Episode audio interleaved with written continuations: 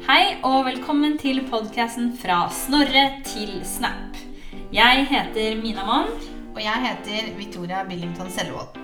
Vi er begge lektorer i norsk og fransk, og jeg, Mina, jobber på en ungdomsskole, og Victoria jobber på en videregående skole på Østlandet.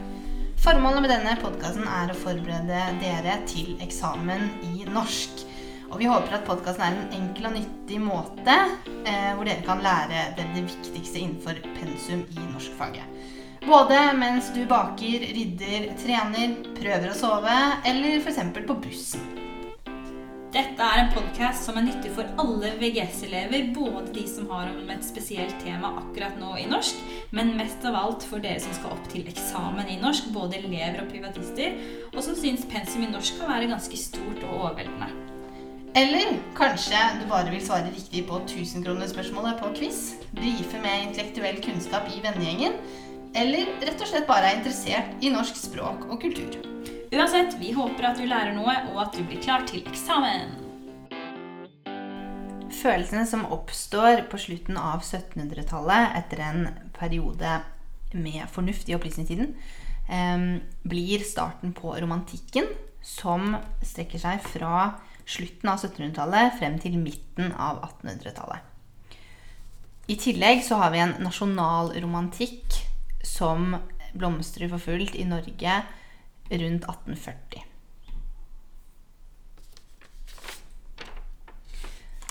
Romantikken er en periode som kommer etter fornuftsperioden, opplysningstiden, og før fornuftsperioden som vi kaller for realismen.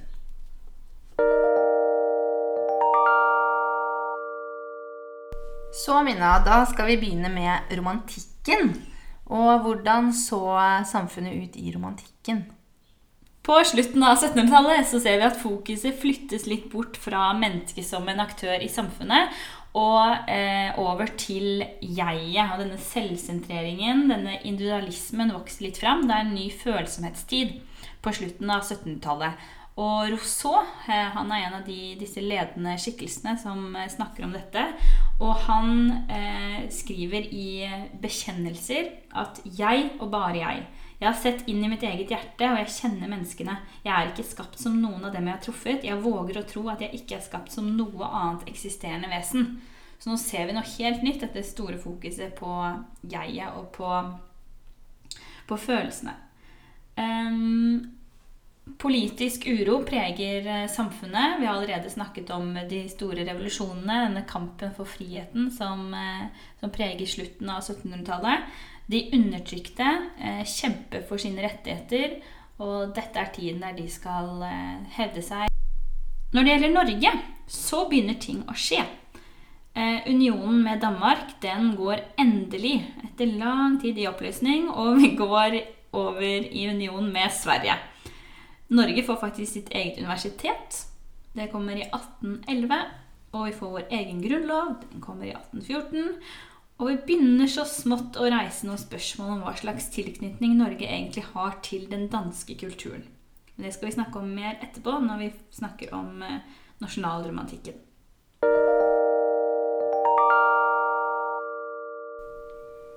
Da skal vi snakke litt om eh, kjennetegn på kunst og kultur i denne perioden. Det er noen grunnleggende tanker i romantikken som, eh, som går igjen. Fordi det som er eh, med romantikken, er at det er flere ulike retninger som spriker litt. Men det er noen sentrale tanker som de fleste romantikerne vil være enige om. Og det første det er at det finnes en idé eller en tanke om at den moderne sivilisasjon har ødelagt menneskets forbindelse med det som er det opprinnelige, med naturen og med det naturlige. Og menneskene, når de tukler med naturen, eh, så kan det mm, skje forferdelige ting, som f.eks. vi ser i romanen 'Frankenstein', der man tukler med naturen, og resultatet er forferdelig. Det finnes også en idé om at kunstneren står nærmest en slags guddom. Det var en filosof som het Schlegel, som, eh, som sa dette. Og kunstneren er som en profet som skal formidle denne guddommen til vanlige mennesker. Denne guddommen det er eh, en tanke om at det finnes noe guddommelig til stede i alt. Det er en slags verdenssjel, en ånd, i alt. Og kunstneren han er et geni som skal skape noe nytt og noe originalt. Og i romantikken så støttet man seg eh, på intuisjonen sin, på følelsene sine, på fantasien sin, mer enn fornuften som man gjorde i opplysningstiden. Vi skiller mellom tre ulike typer av romantikk. Eh, det er venstreromantikken, det er høyreromantikken, som har sitt opphav i Tyskland, og så har vi nasjonalromantikken, som gjorde seg gjeldende i, eh, i Norge utover 1800-tallet. Venstreromantikken den var inspirert av frigjøringskampene som herjet Europa eh, på slutten av 1700-tallet. En grunnleggende tanke for disse romantikerne var at alle land kan ha sitt eget styre, sitt eget språk. Og representanter for denne romantikken var bl.a. engelskmannen lord Byron og vår egen Henrik Bergland. Og de var begge skandaløse, de var engasjerte, de kjempet for samfunnet sitt.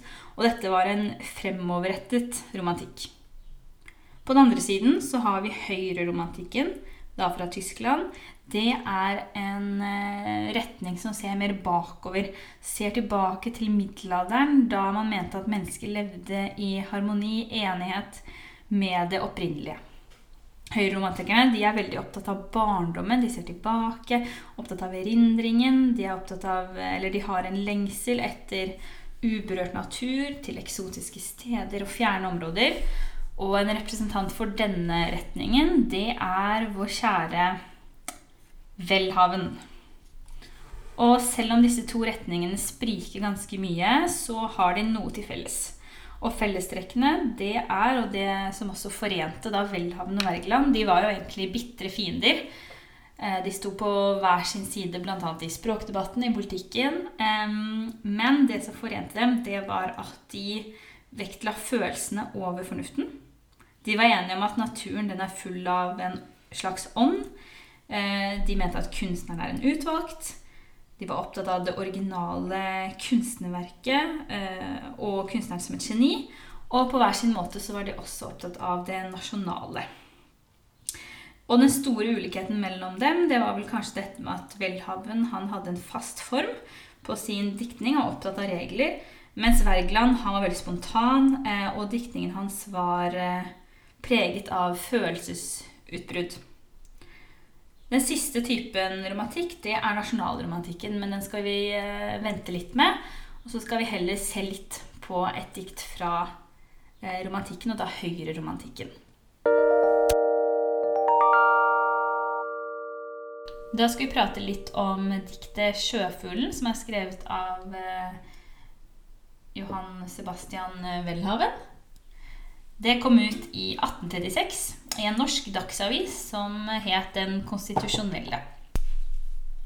Først litt om dikteren Welhaven. Eh, han var en prestesønn fra Bergen. Han studerte litteratur og filosofi og ble professor ved Universitetet i Kristiania. Vi kan på en måte si at han hadde ett ben i klassisismen fordi han eh, hadde veldig strenge krav til eh, oppbyggingen av sine kunstverk. Men samtidig hadde han et syn på kunst og kunstnernes rolle som var typisk romantisk. Han mente at kunstneren var en utvalgt som hadde kontakt med noe ekte og opprinnelig, og som kunne gi denne til andre via eh, kunsten. Og det skriver han bl.a. om i diktet 'Diktets ånd'. Så Welhaven han var altså en høyromantiker. Han eh, skrev om mennesker som vendte tilbake til naturen. Og så var han også i en periode kjæreste med Camilla Collett, som var søsteren til Henrik Wergeland. Og siden de var bitre fiender, så endte jo ikke dette forholdet godt, og de ble De kunne ikke være sammen, altså Welhaven og Camilla Collett. Diktet er ganske kort, så derfor tenker jeg at jeg kan lese den for dere, så dere får et innblikk i hva denne teksten egentlig handler om. Sjøfuglen.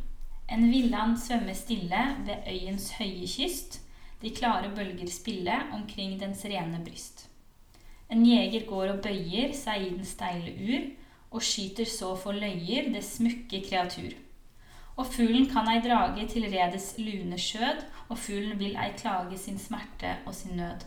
Og derfor taust den dukker dypt i den mørke fjord, og bølgen kold seg lukker og sletter ut en spor. I sjøens dype grunne gror tangen bred og frisk. Derunder vil den blunde, der bor den stumme fisk. Motivet i diktet det er veldig enkelt. Eh, diktet handler om en and som blir skutt av en jeger som skyter anden eh, for moro skyld, altså for løyer. Anden den eh, blir skadeskutt, og den vil ikke klage og dukker taus ned i fjorden. Og der blir den og gjemmer seg. Og når det gjelder tematikk, så kan vi se på det på ulike måter. Vi kan jo velge å tolke det som eh, menneske mot naturen. At mennesket og naturen er satt opp mot eh, hverandre. Mennesket utnytter og skader en rene, uskyldige og vakre natur. Her er det jegeren som kun for moro skyld skader denne mm, and. Eh, men vi kan også se på det som en algori på den kjærlighetssorgen eh, som vel, Welhaven følte på da han måtte, eh, måtte gå fra Camilla Collett. Men før vi utforsker denne tematikken eh, videre, som egentlig er ganske spennende, så skal vi snakke litt om formen på diktet. Diktet er bygget opp av fem strofer med fire verslinjer i hver strofe. Det følger et strengt rimsystem, og det er enderim med rimsystemet kryssrim ABAB vi finner både assonanse og bokstavrim i diktet. Assonanse finner vi bl.a. i første strofe, der det står 'Øens høye kyst', 'de klare bølger spille'. Her hører vi at det er Øen som går igjen. Eh, alliterasjonen finner vi bl.a. i eh, fjerde strofe. Og derfor taust den dukker dypt i den mørke fjord. Her hører vi at det er bokstaven D som går igjen. Og både assonansen og litterasjonen fører til at det blir fin rytme og klang i diktet. Diktet har et rikt eh, billedspråk, eh, og det er bl.a. flere symboler i diktet. Andens rene bryst kan være et symbol på ærlighet og renhet. Eh, det finnes kontraster i diktet mellom anden og jegeren. Anden er fredfull i de rene bølgene, mens jegeren han går i den steile uren. Han blir sett på som den onde, Anna som den uskyldige. Vi finner også besjeling. Eh, og da kan vi jo med dette styrke teorien om at eh, diktet egentlig handler om Welhaven, for anden får menneskelige egenskaper. Den eh, vil ikke klage, blant annet. I tillegg så kan vi se på bølgen som et symbol for hjertet. Fordi det står at bølgen kold seg lukker, så hjertet lukker seg på en måte etter at det har blitt skadet. Eh, lukker seg inn i, i, seg selv.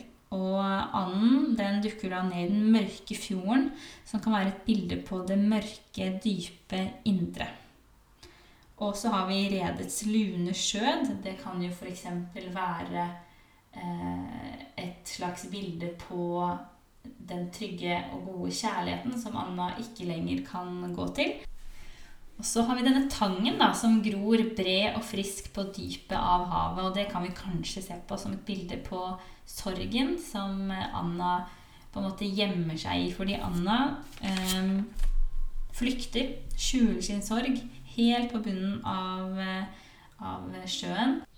Så dette diktet er eh, jo egentlig ganske trist, litt eh, melankolsk og på en måte litt eh, nostalgisk.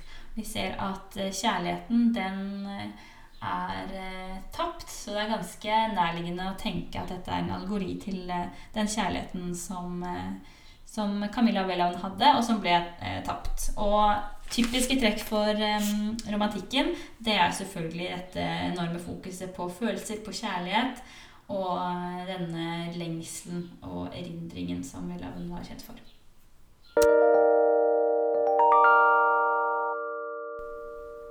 Ja, da går vi over til nasjonalromantikken.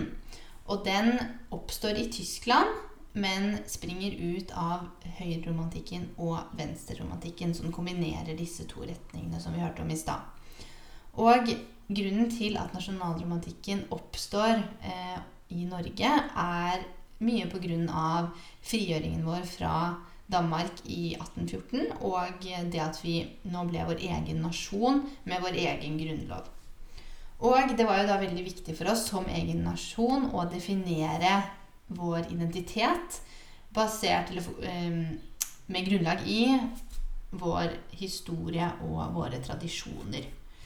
Eh, på 1800-tallet så oppstår det jo også en språkdebatt, fordi språk er noe av det viktigste når man skal eh, identifisere en nasjon.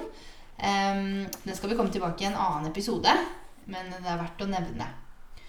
Og selve denne perioden av nasjonalromantikken i Norge blir en veldig viktig del av eh, vår nasjons, nasjons identitetsbygging.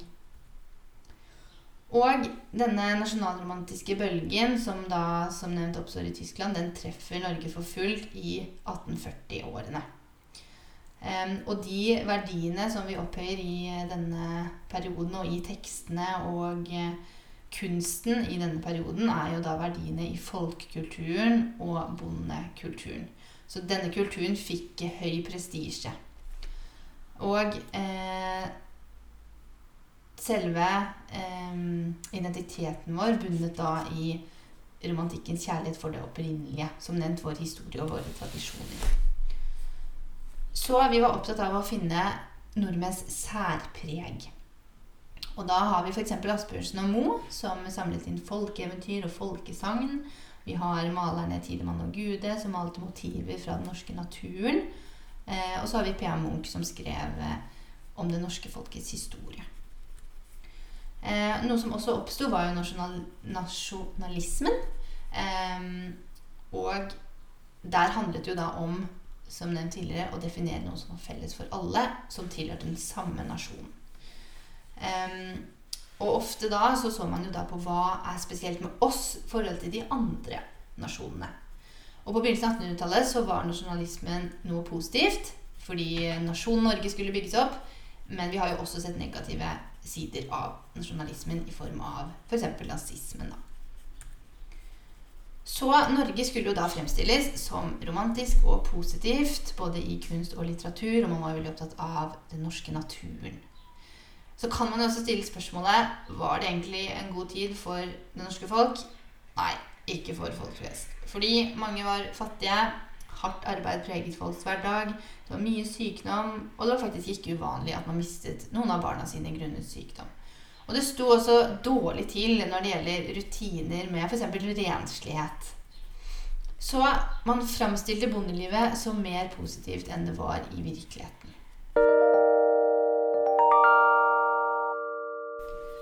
Da skal jeg snakke litt om teksten 'Brudeferden', skrevet av Andreas Munch. Og den ble skrevet i 1848. Og i 1849 ble den faktisk sunget eh, på en av de store festforestillingene i Kristiania Teater eh, etter maleriet av Tidemann og Gude. Som heter da 'Brudeferden i Hardanger', som dere sikkert har hørt om og sikkert sett. Og motivet i dette diktet er en brudeferd. Det vil si at man forflyttet seg fra hjemmet sitt og til kirken der man skulle vies. Så det var ofte at man f.eks. dro med eh, hest og slede, eller man dro til, til fots. Det var jo kallet som mulighet til å dra med et stort brudefølge eh, med båt eller hester. Men i dette diktet her så er det beskrevet en brudeferd på vann, altså i båt. Det som beskrives, er bl.a. bruden, brudgommen og omgivelsene. Det er mange naturskildringer her. Ehm, og temaene i diktet er bryllup, kjærlighet og natur. Når det gjelder virkemidler, så er det brukt mange virkemidler. Og blant annet så er det endrim i diktet. Og rimemønsteret ABAB, CCDD. Så første del av strofen er kryssrim, og siste del består av parrim. Og det er fem strofer i diktet. Så jeg skal lese første, den første strofen, sånn at dere kan få et litt inntrykk av hvordan, eh, hvordan diktet går. der ånder en tindrende sommerluft varmt over Hardangerfjords vanne, hvor høyt imot himmelen i blålig luft de mektige fjellene stander. Det skinner fra bre, det grønnes fra li, et hellingdagsgrud står engen kledd i. Ti se over grønnklare bølge, gjemgilder et brudefølge. Så her kan vi se bl.a. natur, hvordan naturen beskrives som himmelen i blålig luft, de mektige fjell. Eh, grønt er det i lien, og det er eh, en isbre som man kan skimte. Og eh, det er grønnklare bølger. Så det skapes et bilde av flott norsk natur.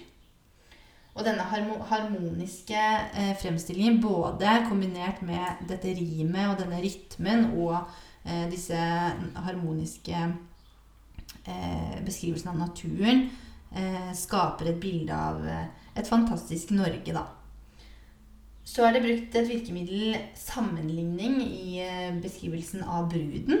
Det står som en oldtids kongedatter så prud med gullkrone på og skal lagen. I stavnen sitter den prektige brud, så fager som fjorden og dagen. Så hun sammenlignes både med en oldtids kongedatter, som er veldig vakker, og eh, hun beskrives som prektig, og hun sammenlignes også med at hun er så fager som fjorden og dagen. Brudgommen han beskrives som lykksalig, og han svinger sin hatt. Og han skal da føre hjem sin dyreste skatt. Så igjen så eh, beskrives bruden som en dyr skatt. Så her er det brukt mange språklige virkemidler for å eh, skape et så fantastisk eh, bilde av personene og, og brudeparet som mulig. Så gjennom dette her diktet så man, får man et bilde av hva man var opptatt av å fremstille i nasjonalromantikken. Flott natur og flotte mennesker. Nordmenn blir da beskrevet gjennom dette brudeparet som eh, både vakre og, og lykkelige. Eh, men som nevnt tidligere, sånn var det ikke alltid. Det var ikke sånn at alle nordmenn hadde mulighet til å ha på seg eh, en gullkrone og sitte prektige en, i en båt og skimte en isbre i det fjerne. Så her kan vi se at det var viktig å fremstille nasjonen og dets folk som eh, noe veldig positivt. Som nevnt så er eh, denne teksten laget til et bilde, altså brudeferden i Hardanger. Så jeg kan si litt om det bildet også. Hvis man ser på det bildet, så kan man da skimte denne bruden som sitter med denne gullkronen. Man kan se rene mennesker med flotte klær. De har på seg bunader som var som var viktig å fremstille. Vår folkedrakt. Man ser et sånt eh, grønnlig vann i fjorden, og man ser disse høye, majestetiske fjellene eh, som er grønne helt nederst ved vannet, og som er hvite helt på toppen, der man kan se snøen og isbreen. Det er i tillegg fint vær, det er blå himmel. Det er noen skyer, men det er allikevel sol. Og eh, man kan se at det er god stemning på det bildet der. Eh, og det står litt i kontrast med eh, bilder fra romantikken. Hvis vi skal gå litt tilbake til, til romantikken eh, i motsetning til nasjonalromantikken, så er man i romantikken litt mer opptatt av eh, det dunkle og det mystiske. Og motivene i eh, maleriene er ikke bare eh, sånn som i nasjonalromantikken, hvor de er veldig positivt romantiske. Men det finnes også kunst som er mer mystisk, skummelt, eh, hvor man får frem eh, indre følelser, og hvor eh, man spiller på eh, dette skillet mellom lys og mørke. Gjerne solnedganger og tåke og eh, disse typer fenomener i naturen.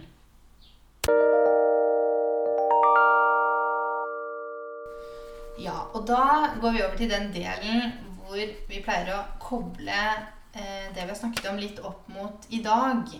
Og romantikken og nasjonalromantikken eh, har jo Vi ser jo flere elementer fra disse periodene i dagens samfunn. Eh, spesielt da kanskje nasjonalromantikken. Eh, det er jo et eget kompetansemål også på VG2 som heter at man skal beskrive hvordan ulike forestillinger om det norske kommer til uttrykk i sentrale tekster fra slutten av 1700-tallet til 1870-årene og i et utvalg samtidstekster. Så vi kommer nok til å lage en egen episode etter hvert rundt dette med forestillinger om det norske, da spesielt også i samtidstekster. Men hvis vi skal prate litt om hvordan forestillinger om det norske er i dag, hva har vi å si der, Mina? Det er jo en del av nasjonalromantikken som henger ganske igjen også i dag, selv om det er nesten 200 år siden eh, nasjonalromantikken var på um, var på sin uh, Hva skal vi si? Storhetstid? Som, ja, nasjonalromantikken hadde sin storhetstid. Blant annet så ser vi det her veldig tydelig eh, i um, Freia melkesjokolade, som tar i bruk eh, virkemidler fra nasjonalromantikken. Um, og ingen land nesten er vel så opptatt av sin nasjonaldrakt som vi i Norge er. I, på 17. mai i Norge så er det jo nesten ingen som ikke har, har bunad. I hvert fall ikke i østlandsområdet. Eh, vi er også veldig opptatt av naturen og norsk natur. Og vi er veldig stolte av fjordene våre. Eh, og flere og flere ønsker også å gå i fjellet og i naturen, og jeg føler at vi nesten har tatt litt At det har blitt eh, mer fokus på det de siste årene, mm. egentlig. Tilbake til den norske naturen. Jeg tror det er det som henger igjen. Jeg tror det er mange nordmenn som identifiserer seg med, eller ønsker å identifisere seg med at man er norsk og man går i fjellet. Mm. Og så er vi veldig stolte av oss selv òg. Mm, ja, veldig. Det ser man jo på nasjonaldagen. Det er mange land som syns at det egentlig bare er en sånn selvisk mm. fest. Vi bare feirer oss selv. Så um, Og vi elsker å snakke om oss selv i, i, når vi er i utlandet, f.eks. Mm. Så Ja, så er vi veldig opptatt av å, å trekke frem at vi er f.eks. veldig gode i, i, idrett. da At uh, f.eks. at vi er veldig gode i ski.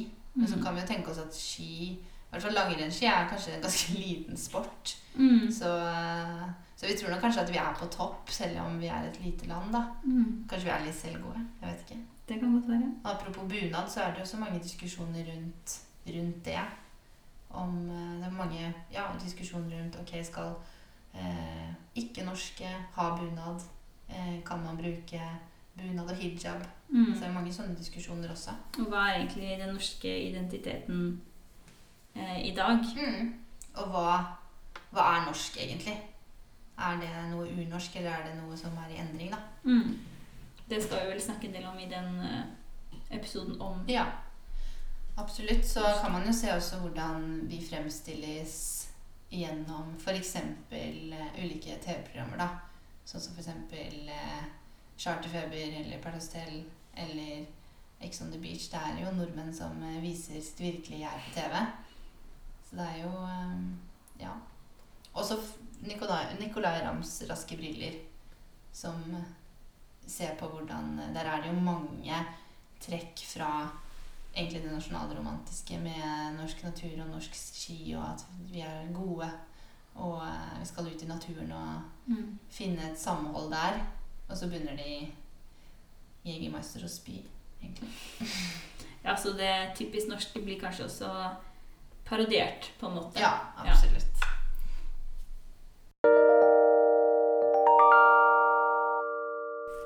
Ja, Da skal vi snakke litt om eksamen og hvordan man får bruk for denne informasjonen. Og eh, her er det egentlig flere ulike løsninger. Når det gjelder eh, muntlig eksamen, så eh, kan man jo få i oppgave å eh, presentere romantikken som eh, litteraturhistorisk eller kulturhistorisk per periode. Da vil det være relevant å trekke fram noen tekster som viser til typiske romantiske trekk og eh, også eh, eventuelt nasjonalromantikken som en egen oppgave. Man kan også se på nasjonalromantikken som et prosjekt innenfor vår nasjonsbygging. Så nasjonsbygging i seg selv kan være en relevant oppgave. Da vil det kanskje også være eh, interessant å se litt på hvordan språket vårt utviklet seg. Utviklet seg men det mm, kan vi se på en senere episode. Eh, når det gjelder eh, skriftlig eksamen, så gjelder det egentlig litt det samme. Eh, man vil kanskje få oppgitt noen tekster hvor man eh, peker på typiske trekk fra romantikken. Man eh, kan også få oppgitt eh, f.eks. sakprosa når det gjelder nasjonsbyggingen på 1800-tallet. også her er språk egentlig veldig viktig sett i sammenheng med nasjonalromantikken og kunst og litteratur. Eh, I tillegg kan man bruke det man kan om nasjonalromantikken til å f.eks. skrive retorisk analyse. Hvis man f.eks. får en eh, tekst som eh, tar for seg norske verdier, eller f.eks. en reklame, så, så vil det være relevant å ha litt kjennskap til viktige verdier i nasjonalromantikken. Den perioden som vi skal ta for oss neste gang, og som eh, kommer etter romantikken, det er realismen. Så da begynner det å skje store ting i litteraturen.